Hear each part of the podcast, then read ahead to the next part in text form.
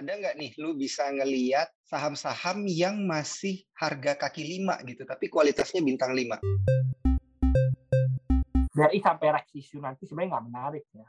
Mm-mm. Tunggu misalnya udah selesai Rex issue ah, udah terdilusi ya itu dong kembali menarik lagi gitu. Yang masih Hmm. yang masih murah itu BNI emang. Yang yang paling cakep kalau di mid cap itu dari komoditas pastinya ya karena Hmm. tahu-tahu lah komoditi super cycle bentar lagi dan masih ada saham-saham yang lagging Mm-mm. itu kayak ITMG itu tuh udah terbang-terbang tapi masih ada yang lagging apa tuh Jreng-jreng-jreng. Hmm. Paham Pantauan Saham Makin paham makin cuan. Halo Sobat Cuan, balik lagi bareng gua Daniel Guna dan gua Triputra dari tim riset CNBC Indonesia kaget kan Sobat Cuan, ini kontennya adalah paham. Pantauan saham semakin paham semakin cuan. Ini pasti cuan ada cuan. banyak yang kaget nih ya bro ya. Cuan dulu dong, salam cuan. Banyak yang kaget nih kayaknya bro, karena tiba-tiba tiba-tiba dia ngelihat wajah kita ini ya, paham on YouTube. Ini adalah episode pertama kita, paham on YouTube. Jadi nanti Sobat Cuan ini bisa sambil ngelihat wajah kita ya, yang biasanya kita nggak kelihatan gitu.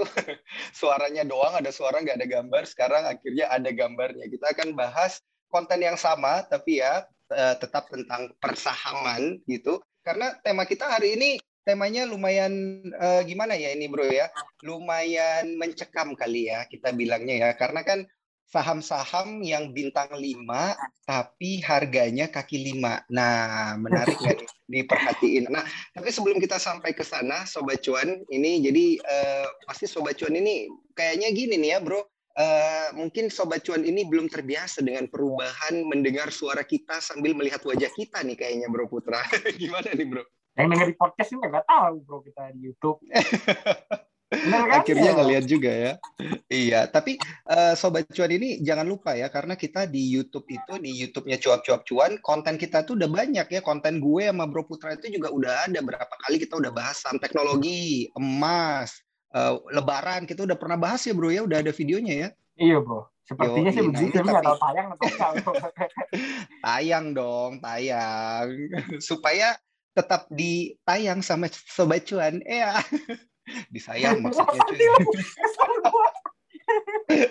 Oke, oke Sobat Cuan. Kalau gitu kita langsung aja nih dari pergerakan indeks harga saham gabungan yang hari ini ditutup menghijau 0,44 persen. Ada nggak nih lu bisa ngeliat saham-saham yang masih harga kaki lima gitu, tapi kualitasnya bintang lima? ya justru momen-momen kayak gini tuh banyak banget ya saham yang bintang 5 ya kalau bintang 5 maksud gua itu mid to big cap lah saham big cap saham middle cap yang bintang 5 yang oke tapi harganya masih murah gitu justru itu Mr. Lo Keng Hong value investor yang kawakan itu kan bilang oh di momen-momen seperti ini banyak banget Mercy harga Avanza gitu. jadi emang bener emang masih banyak banget big cap big cap mid cap mid cap yang harganya masih murah dan memang masih oke sebenarnya secara fundamental bintang 5 lah Mhm. istilahnya Hmm. Jadi harga eh, harganya itu Toyota Avanza, tapi sebenarnya itu kualitasnya Mercy ini banyak kan di mana sih sebenarnya big cap, mid cap, small cap atau gimana nih? Emiten-emiten yang kayak gitu tuh.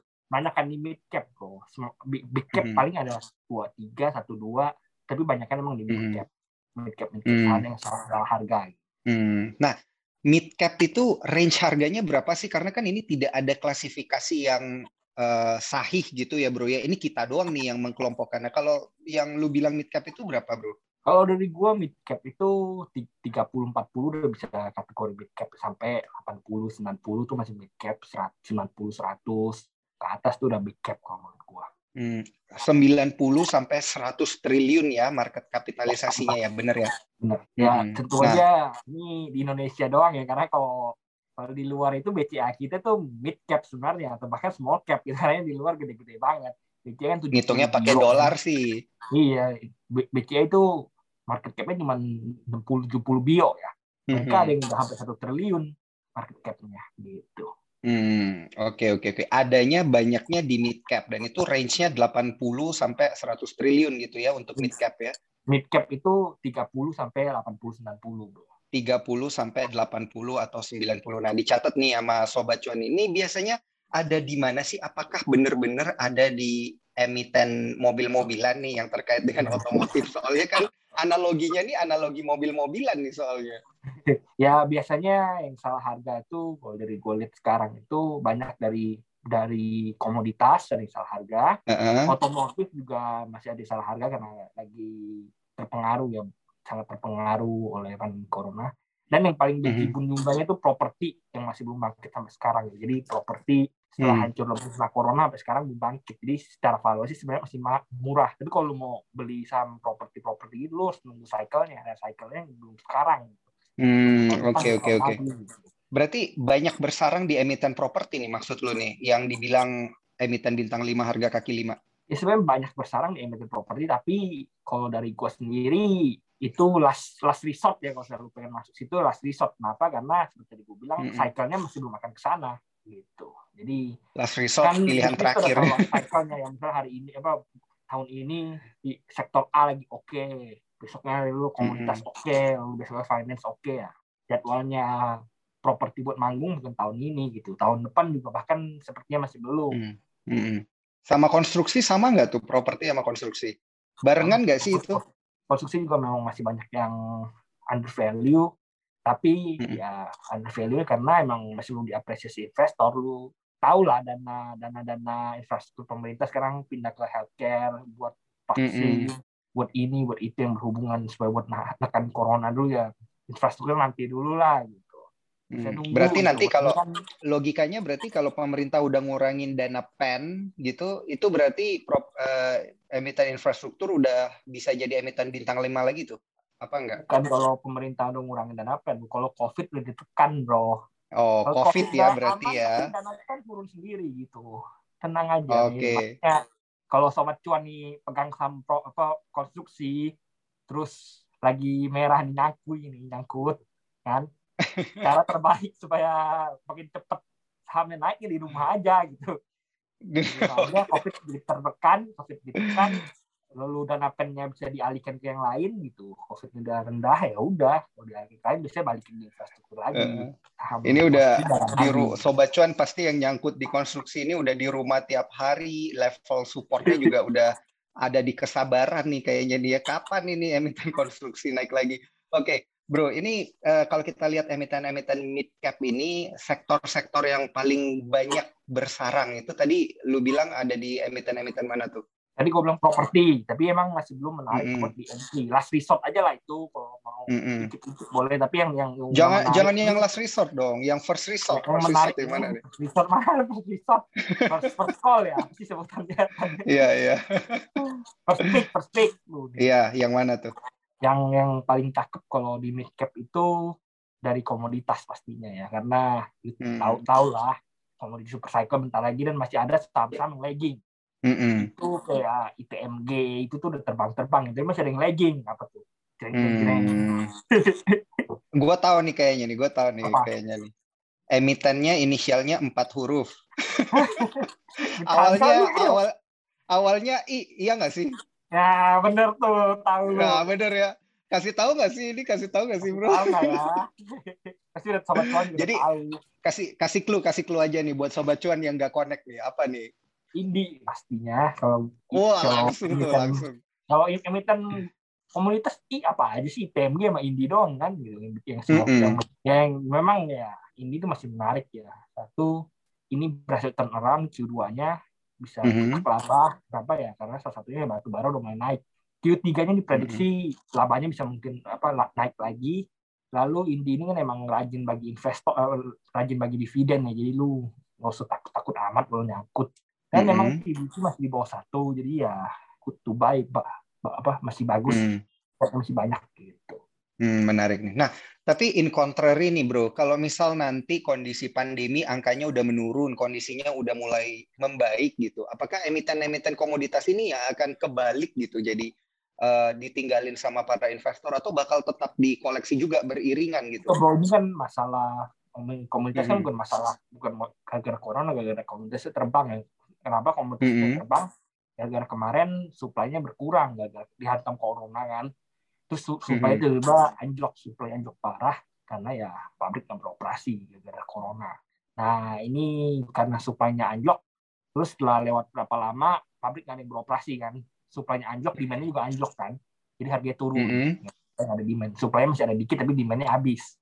Nah, ketika itu Cina-nya udah mulai tekan coronanya, lalu di negara-negara luar global-global juga mulai tekan coronanya, yang terjadi ya ini demand-nya muncul lagi.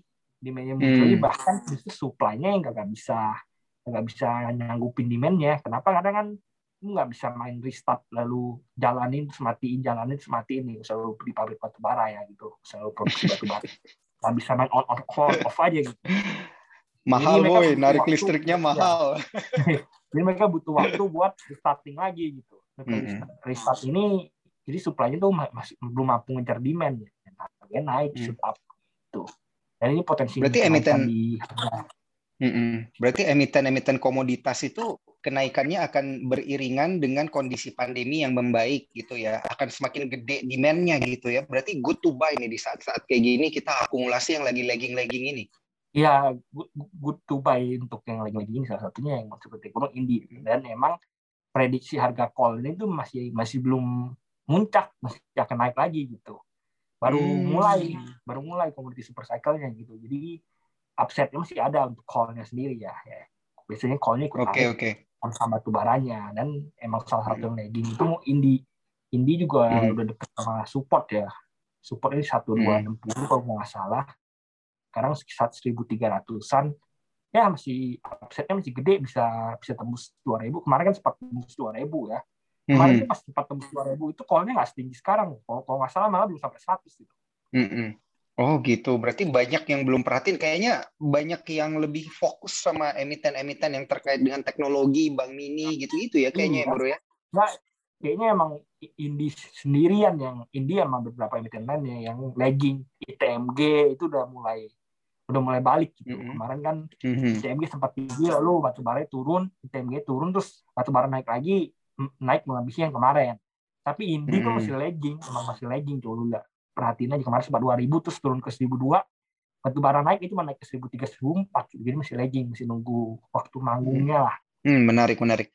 Karena kalau kita lihat emang ini dekat banget ya. Kalau secara year to date dekat banget sama supportnya dia di 1265 ya udah berapa kali Ah, nih kayaknya nih mantul-mantul di 1265. ya emang Gitu ya. supportnya di sekitar situ bro Hmm. Oke, oke, oke. Berarti eh, reviewnya kurang lebih segitu ya dari Indi. Kalau dari emiten-emiten batu bara lain gimana nih atau komoditas-komoditas lain? Tapi eh, sorry sorry bro, sebelum kita masuk ke emiten-emiten batu baranya, emang lu prediksi nanti ini harga batu bara acuan bakal ada di berapa sih? Kalau tembus 18 nggak kaget, ada potensi ke 200. Wow, 180. 200 dolar per metric ton. Ada Dan itu akan jadi yang tertinggi tertinggi sepanjang masa dong itu ya. Dulu pernah tembus 200, bro. Udah jadul banget. Oh, ketika tahun 2008 ya, waktu lagi 2008, masa ya. komoditi boom ya. tembus 200 itu. Hmm, Mungkin satu, menarik, menarik, menarik, menarik. 1718 lah targetnya untuk 2021 ini. Ya, nggak usah muluk-muluk segitu dulu. 1718. Oke, noted ya, dicatat nih sobat cuan nih yang pengen cuan. Kalau udah cuan jangan lupain kita ya. Udah lihat wajah kita di sini, kopinya jangan lupa dikirim ya. Oke, sobat cuan. Kalau kita ini ngelihat lagi ya dari sektor batu bara sendiri, kan kita udah bahas dua emiten tadi. Yang batu bara lainnya gimana nih? Ada PTBA punya BUMN, habis itu emiten-emiten komoditas lain. Ada imbas nggak Oh. sih? Emiten nikel tuh misalnya tuh gimana tuh? Kalau PTBA gue sih nggak nggak gitu serak ya. Kenapa? Mm-mm. karena ini apa dia kan kliennya kan PLN ya lu harganya harga batubara Newcastle terbang gila-gilaan juga BTB ngikutnya HBA bukan batubara Newcastle dan Hmm. Emang apa emang apa pemerintah mau ngorbanin PLN demi PTBA cuan kan enggak pastinya PTB yang dikorbanin gitu Hmm, Oke, oke, oke. Jadi ada. Mm-mm. kalau lu mau ada aman-aman kebijakan aja, dengan pemerintah ya. Mm-mm. ya apa aman lah aman kalau kalau pengen aman kalau pengen cuan ini gitu Oh, kalau kalau emiten nikel sama emiten emas gimana? Kita kalau kalau eh, batu bara kan ada agro juga kan. Terus kalau kita bandingin sama komoditas emas, misalnya ada MDKA, terus nikel ada Antam misalnya. Sama emiten-emiten yang kayak gitu itu gimana nih? kalau kalau buat gue sih yang upsetnya paling banyak baru batu bara ini doang sih paling sama doit Hmm. nah itu juga masih agak lagging ya doit ya paling itu hmm. dua doang dari gua kalau untuk komoditas kalau di sektoran masih banyak gitu hmm. Ini kan soalnya dibilang katanya inflasi tinggi, biasanya harga emas juga ikut meroket nih, ikut naik juga. Katanya ini biasa mendongkrak banyak, harga emiten-emiten emas. Efeknya batu bara, apa efek emas naik berapa persen ke Antam punya saham sama efek batu bara naik berapa persen sama Indi saham pasti lebih tinggi Indi. Hmm. Salah satunya hmm. Indi lebih volatil daripada Antam. Sejarahnya ya berapa lima enam tahun terakhir, 10 tahun terakhir lah. Sejarahnya emang Indi lebih volatil terhadap harga komoditasnya daripada Antam. Hmm, oke. Okay. Ini juga berarti yang perlu diperhatiin sama Sobat Cuan ya, perbandingan uh, daripada gainnya dia sendiri ya, kalau kita bandingin. Oke, okay. Bro, ini uh, kita masih punya waktu ya, masih punya waktu cukup banyak, masih ada sekitar uh, eh, 15 menitan lagi nih buat gua menggali-gali emiten-emiten hmm. yang sektornya masih banyak loh, 15 menit. Nah, makanya. Seperti bro, langsung aja ya move. Oh gitu. Langsung langsung langsung bro kalau gitu, langsung. Jadi finance sih sekarang, coastal finance itu kan hmm. kan apa banyak yang paling menarik ya, paling gede, tulang punggung indeks lah. Yang mm -hmm. kalau menurut lo apa yang yang masih under value sekarang? Finance? Finance kalau gue sih ngelihatnya lebih ke big cap-nya ya karena kayaknya yang bank mini bank mini ini udah terbang-terbang iya, semua iya, iya. banyak big cap-nya apa? Ah, kalau big cap-nya gue ngelihat kayaknya BRI punya peluang nih, bener gak sih? BRI bro, BRI. Aduh berat banget kalau BRI mah. BRI, BRI kan berarti BNI ya? Kan, maksudnya gue uh -uh. aja. BRI kan mau uh -uh. isu kan, gede banget berapa mm triliun. Kagak ada mampu nyerap. Siapa sih yang mau mampu nyerap?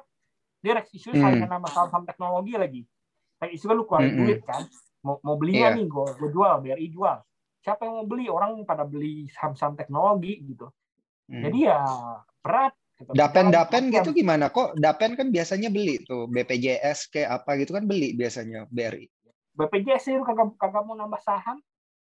Hmm. That's why mereka mereka jual jualin kan uangnya berapa? Salah satunya buat sebagian buat nebus, sebagian buat masukin saham tech atau saham-saham lain gitu. Jadi hmm. emang berat mereka mau nebus BRI ini dan DAPE reksadana itu kan ada limitnya ya. Ada, ada misalnya megang megang satu saham maksimal 10%. Ada limitnya. Hmm. Dan mereka itu udah banyak yang 8-9%. Kalau mereka tembus ini, tembus 10% nanti. Jadi mereka terpaksa juga banyak yang gitu juga. Jadi okay. emang BRI, BRI sampai Rex issue nanti sebenarnya nggak menarik ya.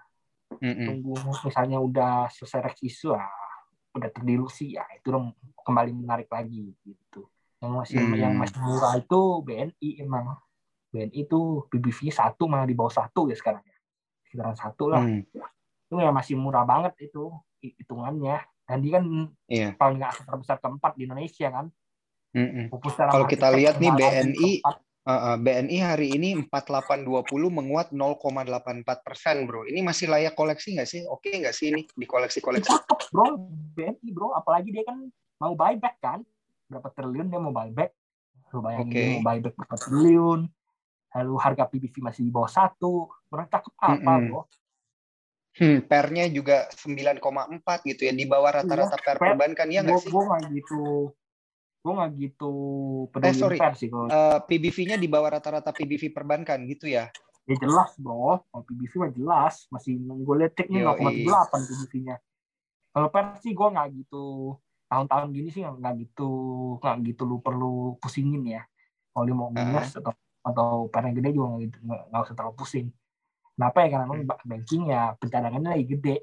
Pencadangan gede kenapa? Hmm. karena banyak NPL nanti kalau misalnya covidnya turun apa orang-orang udah lancar lagi bayarnya ya pencadangannya naik lagi lah banyak naik lagi. Dan ini kan cuma pencadangan. Nanti kalau kagak kagak bayar kan di refund gitu aja dibalikin Oh, oke. Okay, okay, okay. pusingnya labanya turun tuh apa gitu. Memang labanya turun Le dari tahun lalu, dari dua tahun lalu ya, dari tahun lalu, dari tahun lalu naik ya, kan 2020 kan parah banget. Hmm. Memang labanya turun dari dua tahun lalu, tapi not a big deal lah. Mm -hmm. gua, BNI ya nih, berarti kalau dari perbankan BNI cek. Yang lain gimana nih bro? BNI big cap-nya kalau yang, mau di small uh, kemudian yang yang lagi pengen BCTM, yang bro. lagi pengen stock split yang lagi pengen stock split gimana tuh yang satu banding lima aduh tapi ya, menurut, menurut gue sih mau kemahalan tapi ya dari dulu orang bilang BBCA kemahalan ya tetap aja naik terus kan dan emang yeah.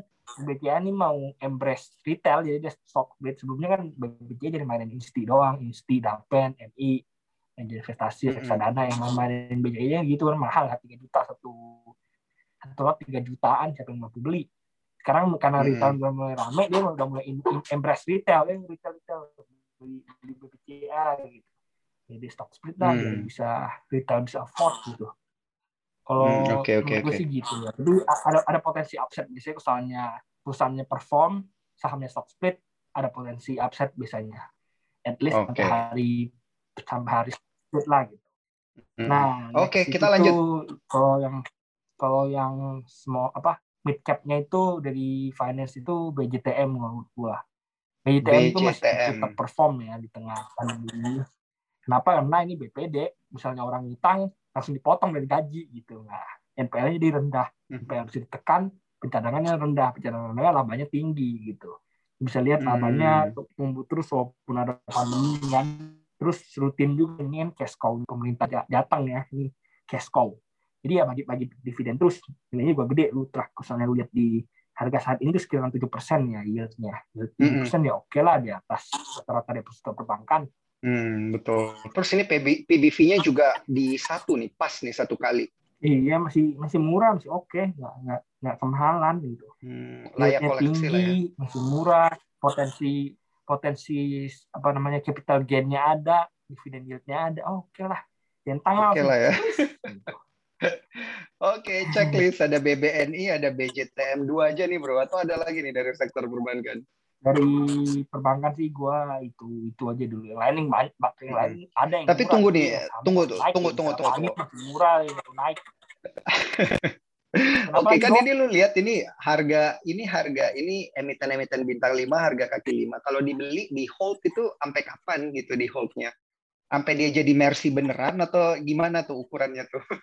ya terserahnya sobat cuan nih. Bisa sobat cuannya pengen lu tujuan pasar modal apa? Pengen nabung. Mau nabung ya tunggu butuh duit baru lu jual gitu. Hmm, kalau pengen memaksimalkan capital gain gimana nih bro? Ini dipegang sampai ada nggak sih secara teknikal gitu level-level yang perlu dilihat?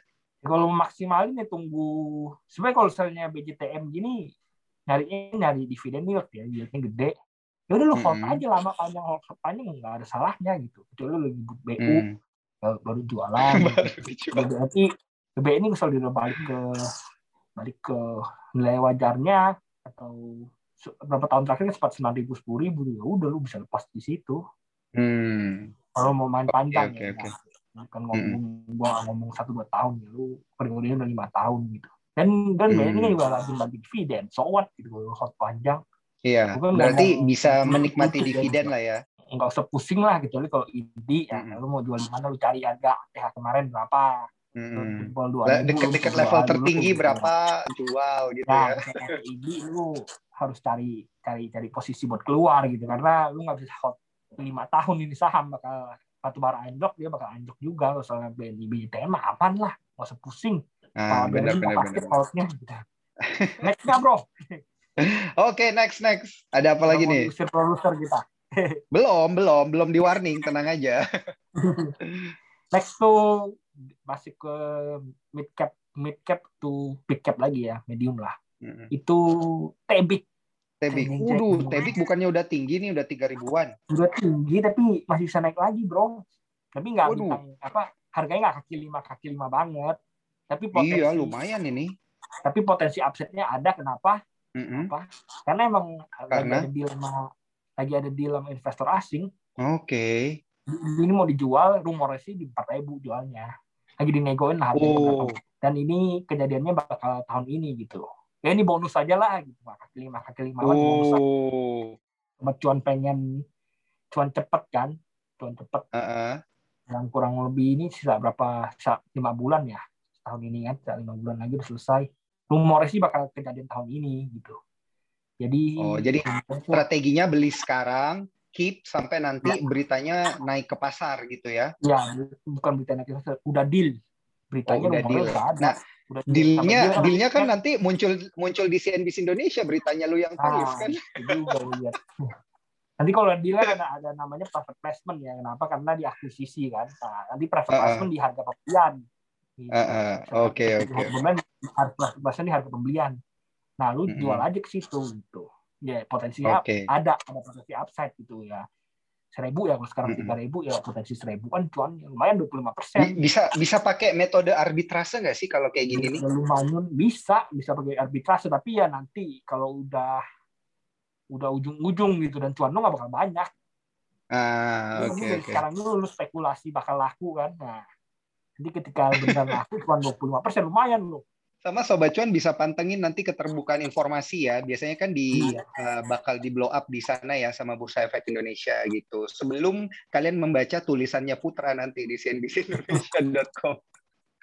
Oke, okay. ada Tebi kan ini menara telekomunikasi ya harganya udah 3.190-an. Uh, Kalau dari sisi fundamental ini gimana nih? Maksudnya apakah memang layak koleksi atau seperti apa sih?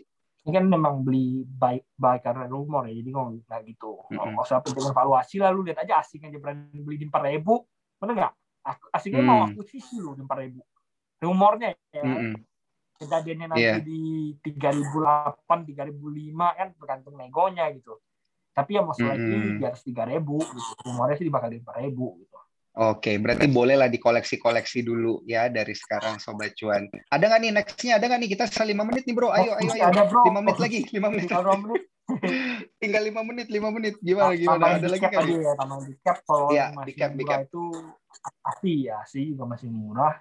Astra Internasional. sama tiga, ya tiga apa PBV-nya dia berada di bawah level rata-rata tiga sampai lima tahun. Tiga tahunnya masih di bawah, lima tahunnya masih di bawah kalau masih murah. Cycle-nya juga udah bentar lagi. Cycle-nya paling kan tahun depan udah mulai pulih gitu. Dan mm-hmm. ini kan itu ya, apa namanya, income dia kan cuma ketahan dong. Misalnya kan lu, misalnya nih 2020 lu mau beli mobil, tapi gara-gara ada corona kan lu nggak jadi beli mobil. Tapi tahun 2021 atau 2022 ketika corona udah bubar, udah selesai, lu jadi kan beli mobil kan cuma ketunda doang kan. Hmm. Namanya up demand.